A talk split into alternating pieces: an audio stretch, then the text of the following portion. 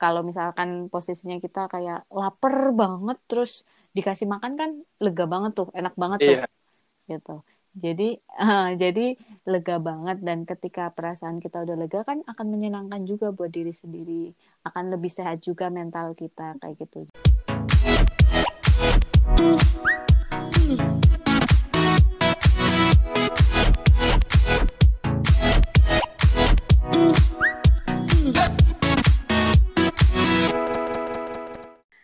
Halo semuanya, uh, di mana pun kalian berada, selamat pagi, selamat siang, selamat sore, atau selamat malam. Ketemu lagi dengan kita di Resonansi. Oke, okay. kali ini kita akan membahas suatu tema yang ini terinspirasi dari DM yang masuk ke kita. Uh, mungkin uh, sebelumnya akan dibacakan terlebih dahulu oleh Rizky. Silahkan Ki. Oke, okay. jadi gini nih guys, ada yang tanya, ada yang tanya ke DM, dia tanya gini, e, kak kenapa kok susah banget buat saya memaafkan seseorang, padahal kejadiannya udah cukup lama. Gimana sih cara cara untuk maafin orang? Wow. Oke. Okay. Dalam Ini topik ya. yang cukup hangat. iya. Dan kayaknya dirasakan hampir semua orang ya. Betul. Tema-tema memaafkan ini. Oke. Okay. Kalau uh, apa namanya? Kalau aku mau mulai ya, mulai dari definisinya terlebih dahulu sebenarnya. Mm-hmm. Perlu tahu dong sebenarnya memaafkan itu seperti apa sih kayak gitu. Nah, uh, dari pijar psikologi dia mendefinisikan memaafkan itu adalah sebuah proses atau hasil dari sebuah proses yang berkaitan dengan perubahan emosi dan sikap terhadap orang yang bersalah. Jadi ada dua ini ya, dua kata kunci yaitu perubahan emosi, em, tentunya dari emosi yang negatif ke positif, kemudian juga perubahan sikap ke orang itu. Nah, dari situ kita lebih tahu ya, berarti ada dua kunci itu. Nah, kira-kira kalau dari teman-teman sendiri atau dari Rizky dan Acil, pernah nggak sih ngalamin kayak susah banget maafin orang?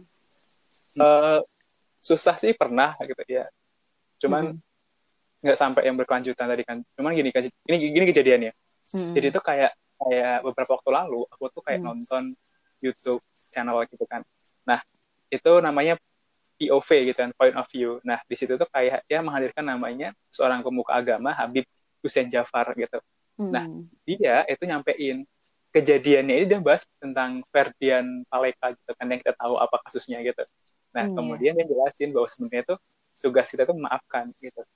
Kita tidak boleh membenci orangnya, tapi membenci sifatnya gitu. Hanya saja yang gue alamin ini gitu, gue tuh kayak uh, mengasosiasikan gitu. Jadi kayak udah nyatu aja, ngeblend aja sifat tuh orang sama kelakuan tuh orang gitu. Yang bikin gue kayak susah banget maafin dia. Jadi apa pun yang seolah-olah yang dilakukan itu di mata gue di perasaan gue tuh ya, ya emang dia salah gitu kan ya. Kayak ya dirinya sama sifat dia udah jadi, jadi satu gitu. Jadi ya kalau ngomongin jeleknya itu orang ya ngomongin sifat jeleknya juga. Kalau ngomongin sifat jeleknya nyambungnya ke orangnya itu juga gitu. Jadi nggak bisa membedakan antara orangnya atau sifatnya yang bisa kita benci. Gue jadi ngebenci semuanya aja gitu.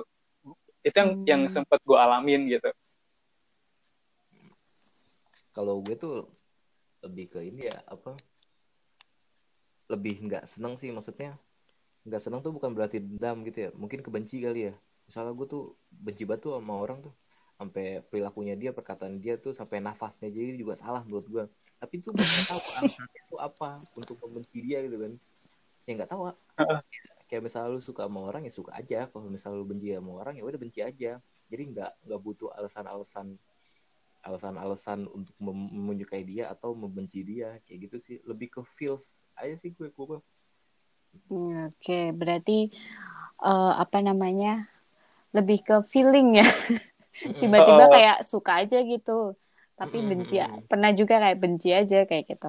Aku juga pernah, tapi kalau misalkan dari pengalamanku tuh sebenarnya se kalau aku amati ada dua tipe orang yang aku benci. Yang pertama adalah uh, orang yang memang dia melakukan kesalahan terus-menerus sampai aku kayak sebel banget atau yang kedua adalah kesalahan dia udah bener-bener yang gak bisa dimaafkan sehingga ya udah aku jadi susah banget buat maafin dia kayak gitu Nah dari situ juga aku kayak mikir uh, bukan mikir sih kayak pada akhirnya cara memaafkanku pun jadi berbeda juga. Ada yang aku karena udah saking lamanya terus lupa terus baru maafin gitu. Ada juga yang uh, aku maafin dulu baru aku lupa si si apa namanya perilaku dia atau apa yang membuat dia uh, aku benci sama dia kayak gitu. Nah, berarti intinya adalah kita pun kita bertiga ataupun mungkin teman-teman yang lainnya pun juga pernah merasakan yang namanya nggak suka sama orang dan mungkin kadang sampai yeah. kadang susah banget untuk memaafkan orang itu kayak gitu. Nah, sebenarnya kalau boleh aku bilang secara teori ya, secara teorinya mm-hmm. konsepnya itu memaafkan tuh sebenarnya ada dua hal. Kenapa orang bisa memaafkan tuh sebenarnya dia punya dua hal. Yang pertama adalah dia punya rasa empati. Rasa empati itu apa sih? Rasa empati itu kayak kita memahami posisi dia. Kalau misalkan kita jadi dia gimana?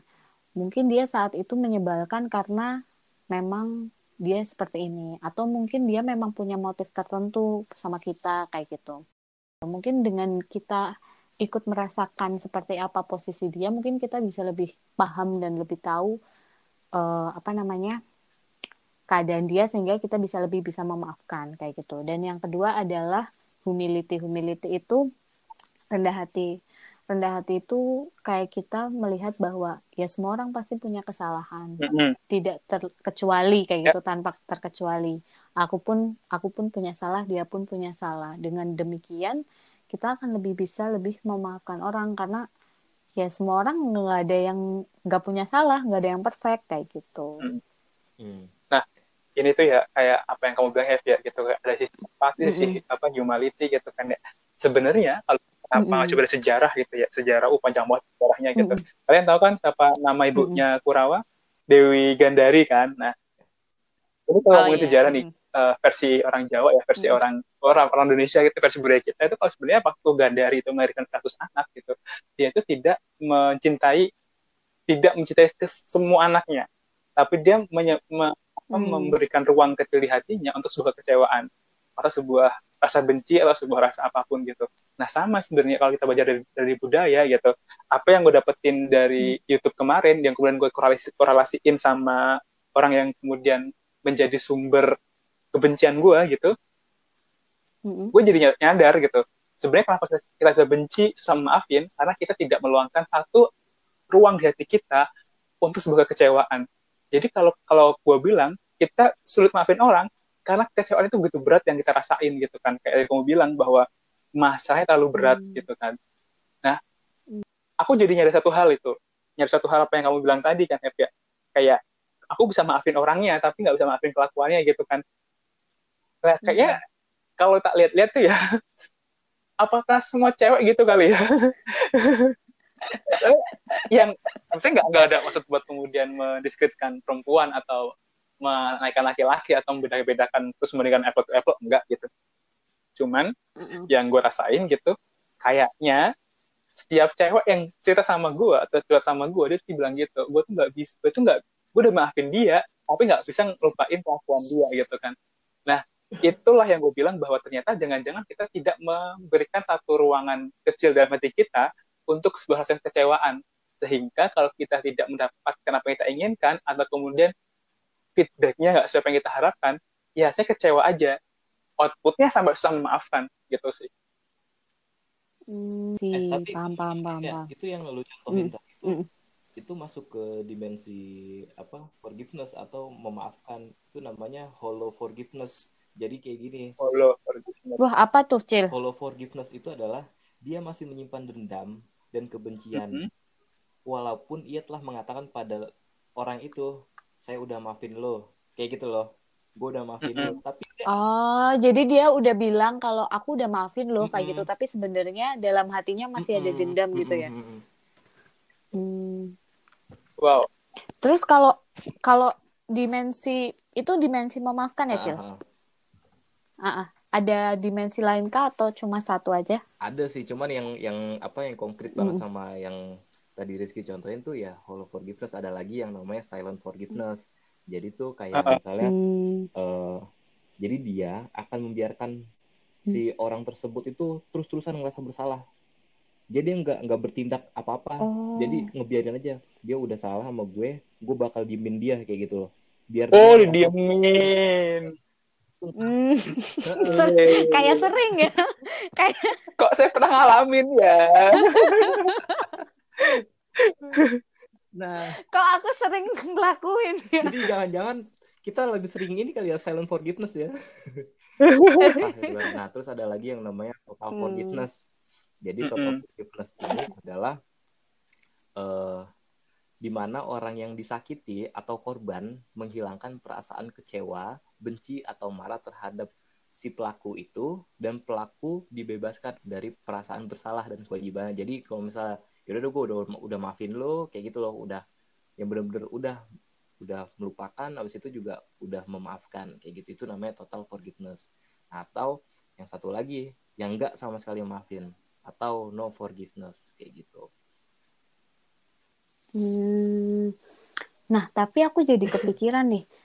Kan itu ada dimensi-dimensinya ya. Mungkin kalau yang total forgiveness itu ya ya udahlah ya kita udah ikhlas, hmm. udah lega gitu ya. Tapi kalau misalkan yang masih silent forgiveness terus malah no no forgiveness itu kan kayaknya punya dampak tersendiri nggak sih buat diri kita kayak kayak kita kayak yang tadi kamu bilang itu didiemin aja biar orang lain tuh kayak ngerasa bersalah. Hmm. Padahal kan itu kayak nggak sehat banget gak sih? Iya enggak iya ya nggak sehat karena mm -mm. kalau menurut gue pribadi ya kalau misalnya gue mm. ada masalah kayak gitu ya harus diselesaikan jadi langsung apa problemnya mm. itu langsung diomongin sama orang yang bersangkutan dong masa bakal dipendam terus ya kan jadi pengen nggak mm. namanya unfinished business unfinished business atau penyelesaian apa masalah yang belum terselesaikan kayak gitu. Nah, nah tapi kan uh, ini kan tipenya acil nih, uh. acil yang gahar ya, acil yang gahar. Maksudnya ada sebagian orang yang seperti acil, tapi mungkin ada sebagian orang yang kayak aku nih contohnya, aku nggak bisa langsung kayak uh, fokus ke solusinya, fokus ke gimana cara memaafkan, tapi kayak mungkin perasaanku perlu diregulasi dulu gimana tuh. Nah, Ki, menurutmu gimana? kalau menurutku kan ada juga nih sebagai hmm. yang kemudian bahwa dia punya perasaan kalau gue ngomong takut nih takut ada kejadian hmm. nggak diharapkan gitu takut tambah hmm. parah takut hmm. tambah apa gitu nah berarti kan hmm. ada ketakutan tersendiri yang dia rasain gitu hmm. nah kalau gue sih yang pernah gue alamin itu kayak kemudian uh, nyari support system gitu apa sih support system hmm. gitu. Nah selama ini kita, kita kan sering ngomong tuh dari episode awal sampai akhir bahwa ternyata lingkungan kita itu bisa jadi support system yang baik gitu dengan cara apa ya kita bisa cerita, cerita sama dia gitu yang diceritain tanpa judgement apa pun hmm. dia denger cerita kita gitu. Terlebih nih misalkan ternyata kalian punya tim yang uh, bergerak di bidang yang sama, sering ketemu gitu. Lima orang satu orang ngeselin empat orang ngasih hal yang sama. Nah itu support system banget itu. Serius. Jadi empat orang ini bisa bikin grup di luar grup grup itu buat ngomong satu orang gitu. iya. Tiba jadinya. tapi artinya bahwa ternyata kekesalan kita terfasilitasi gitu loh. Hmm. minimal itu Hmm. Baik nggak sih relatif kan semuanya itu kayak pisau aja bisa buat bun bisa buat motong-motong daging, motong-motong apa, motong-motong sayur gitu kan. Tinggal fungsinya aja gitu. Hmm. Tapi yang nggak sehat itu berkelanjutan terus menerus gitu. Jadinya apa? Pembenaran apa pun yang kita lakukan terhadap orang yang bikin kita kesel itu benar semuanya karena kita merasa bahwa apa yang kita lakukan itu dapat support gitu.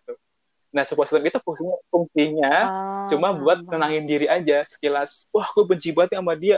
Ah, dia tuh emang ngeselin banget. Nah, hmm. itu kemudian teman-teman yang lain di support system, oh iya, iya. Tapi saat itu, saat itu kita sadar bahwa ternyata ini nggak baik kalau kita terus-terusin. Jadinya apa? Jadinya ya itu cuma tempat kita buat nge nyampein apa yang kita rasain hari itu karena kita nggak berani ngomong ke orang langsung. Oke, okay. paling enggak um, mengekspresikan emosi, melepaskan emosi kita biar emosinya nggak bergerumbul gitu ya. Kalau misalkan kita lagi sebel banget sama orang kan kayaknya dadanya sesak iya, ya.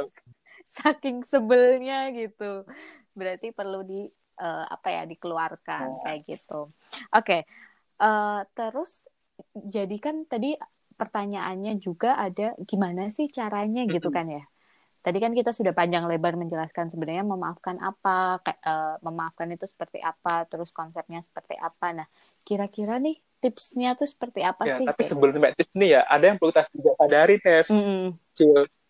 Apa? Ya, karena kita dilahirkan dilahirkan kita di apa namanya ya dibesarkan lewat budaya dan agama gitu. Jadi juga ada namanya pendekatan, pendekatan spiritualis. Hmm. Nah, bagi anda hmm. ya mendengarkan ini menolak ini, wah anda berhak, anda berhubung berhadapan langsung dengan agama, enggak sih ya.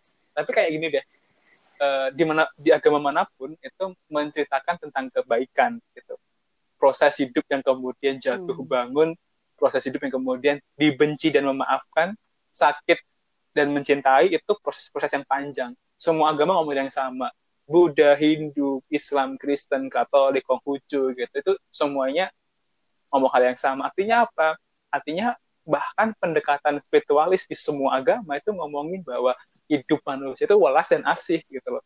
Memaafkan dan dimaafkan. Hmm. Kayak gitu kan membenci dan mencintai kayak gitu. Jadi kayak hmm. kayak itu udah udah punya aturan tersendiri gitu. Jadi kayak kalau kita nggak bisa maafin orang, apa iya kamu sesempurna itu juga nggak pernah bikin masalah gitu kalau kita nggak maafin orang apa iya kamu se dicintai itu sama orang lain sehingga kamu merasa bahwa kamu juga nggak perlu minta sama orang lain kan gitu analoginya hmm. Oke. Okay. ahli ini memang.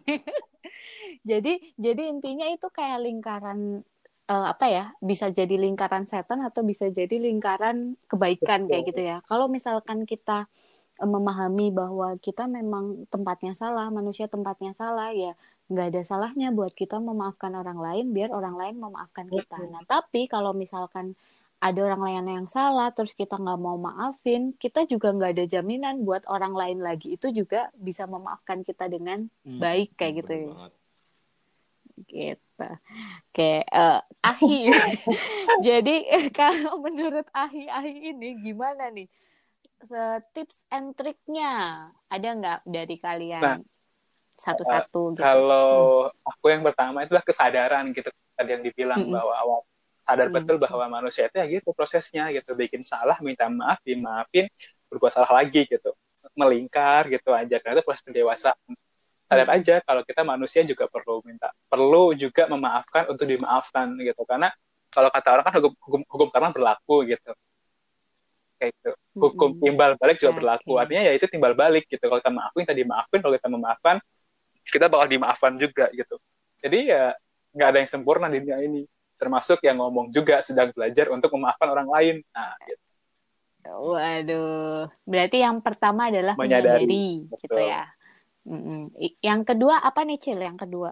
Ya diekspresikan. Maksudnya begini, uh, kalau ingin memaafkan atau dimaafkan, ya ngobrol langsung dengan orang tersebut karena itu adalah orang yang karena kita lagi bermasalah dengan orang tersebut, ya udah kita omongin dengan orang tersebut kayak gitu loh.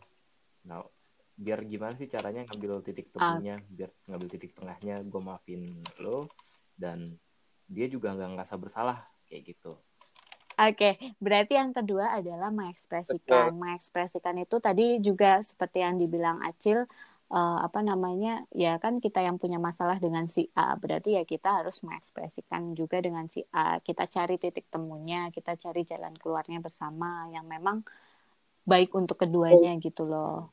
Nah, kalau misalkan belum berani untuk mengekspresikan dengan orang tersebut bisa juga latihan kayak di dalam kamar atau di dalam kamar mandi dulu ngomongin dulu dilatih-latih dulu bisa ya uh -uh. terus oke okay, yang ketiga adalah aku mau nambahin bahwa uh, kalau misalkan kalian memang benar-benar susah banget kan kita nggak tahu ya apa yang terjadi dengan kita. Kayak aduh kayaknya susah banget ini hal yang benar-benar nggak bisa aku maafkan seumur hidup misalkan. Entah apa pun hal itu kalau susah kalian bisa loh ke psikolog untuk bercerita untuk berkonsultasi gimana sih e, caranya memaafkan seseorang itu kayak gitu. Karena e, balik lagi psikolog itu akan e, apa namanya membantu kalian membersamai kalian untuk memahami masalah itu dan bagaimana jalan keluarnya. Dan di situ juga psikolog juga kan ada kayak terapi-terapi. Mm -hmm uh, ada juga terapi pemaafan juga bisa tuh. Nanti mungkin psikolog kalian akan memberikan itu. Mungkin ya insya Allah itu sebagai salah satu ikhtiar kita ya buat lebih lega kayak betul gitu. banget karena kita perlu sadar bahwa ketika kita sudah memaafkan orang lain kita menjadi lebih lega nah perasaan lega kan itu menyenangkan banget mm -hmm. ya kalau misalkan posisinya kita kayak lapar banget terus dikasih makan kan lega banget tuh enak banget yeah. tuh gitu jadi uh, jadi lega banget dan ketika perasaan kita udah lega kan akan menyenangkan juga buat diri sendiri akan lebih sehat juga mental kita kayak gitu jadi ketika kita lebih bisa memaafkan dengan baik kita juga bisa mendapatkan manfaatnya juga dengan lebih baik yeah. juga kayak karena gitu. juga perlu disadari sih Hef uh, mm -mm. memaafkan itu proses belajar seumur hidup gitu loh banyak orang okay. pengen maafin tapi dia nggak mau belajar buat maafkan nah ini yang salah gitu kan maksudnya itu yang tadi yang terjadi sama kita juga kadang-kadang susah maafin gitu nah dari tiga hal ini kayak hmm. sadar ekspresikan hmm. gitu terus menyalurkan emosinya gitu, terus kemudian kayak ke psikolog itu uh, kita kayak lagi belajar buat maafin orang gitu itu proses belajar seumur hidup bisa jadi kita maafin orang A ketemu B jadi marah lagi kayak gitu bisa jadi seperti itu nah kalau ke psikolog kan kita bisa langsung ngobrol sama orangnya, bisa dapat ketiganya, menyadari, kita bisa mengekspresikan, menyalurkan ke psikolog itu. Gitu. Sebelum ditutup okay. nih pertanyaan intermezzo, meminta maaf hmm. atau memaafkan? Aduh, eh, berat nih pertanyaan. Wow. Susah semua, gimana dong? kalau aku, kalau aku okay. ya, kalau aku karena aku uh, adalah laki-laki, yang serba salah, hmm. aku minta maaf. Kalau kenapa? Karena dia laki-laki, kenapa? Anjir, alasannya gitu banget ya. Kalau aku, kalau aku, aku juga minta maaf sih sebenarnya karena aku ngerasa aku pun banyak salah. Jadi ya aku akan lebih seneng minta maaf dan ketika aku sudah minta maaf terus ternyata dimaafkan kan aku punya apa ya kayak punya pelajaran tersendiri tuh. Sehingga dari pelajaran itu aku juga bisa belajar untuk memaafkan orang lain gitu. Kalau kamu gimana Cil? gue memaafkan aja. Karena uh, kenapa? ya memaafkan tuh ya dia nggak usah minta maaf sama gue lah. Jadi gue udah maafin dia aja gitu loh. Karena gue orangnya rendah diri kan.